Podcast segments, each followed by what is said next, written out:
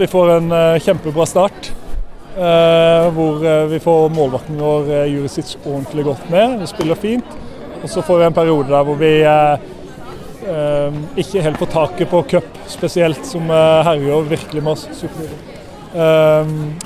men i andre omgang så får vi omstilt igjen og får inn ny målvakt som står fantastisk. Og så får vi brukt hele laget, noe vi ønsker, og godt fornøyd med resultatet. Ja, og uh, Målvakten 69 Ivan Eretz ble jo da òg kåra til banens beste. Hvordan vil du oppsummere hans kamp?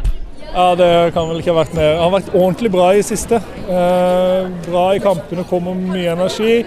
Og eh, det er liksom litt sånn den energien som smitter utover i laget òg. Ikke bare at han redder, men det, det er det han tar med seg inn i laget som, som er veldig viktig. Hva, hva syns du om eh, plasseringen deres i år? Nei, Den er under det vi hadde forventa. Eh, men vi har truffet mange skjær i sjøen i år, og eh, det har vært jevnt. Eh, så skulle gjerne sett oss høyere på tabellen. men alt i alt, eh, de to siste kampene nå vinner vi komfortabelt og er godt fornøyd med. Så tar vi med oss en god følelse inn i sluttspillet, og så får vi se hva vi kan gjøre der.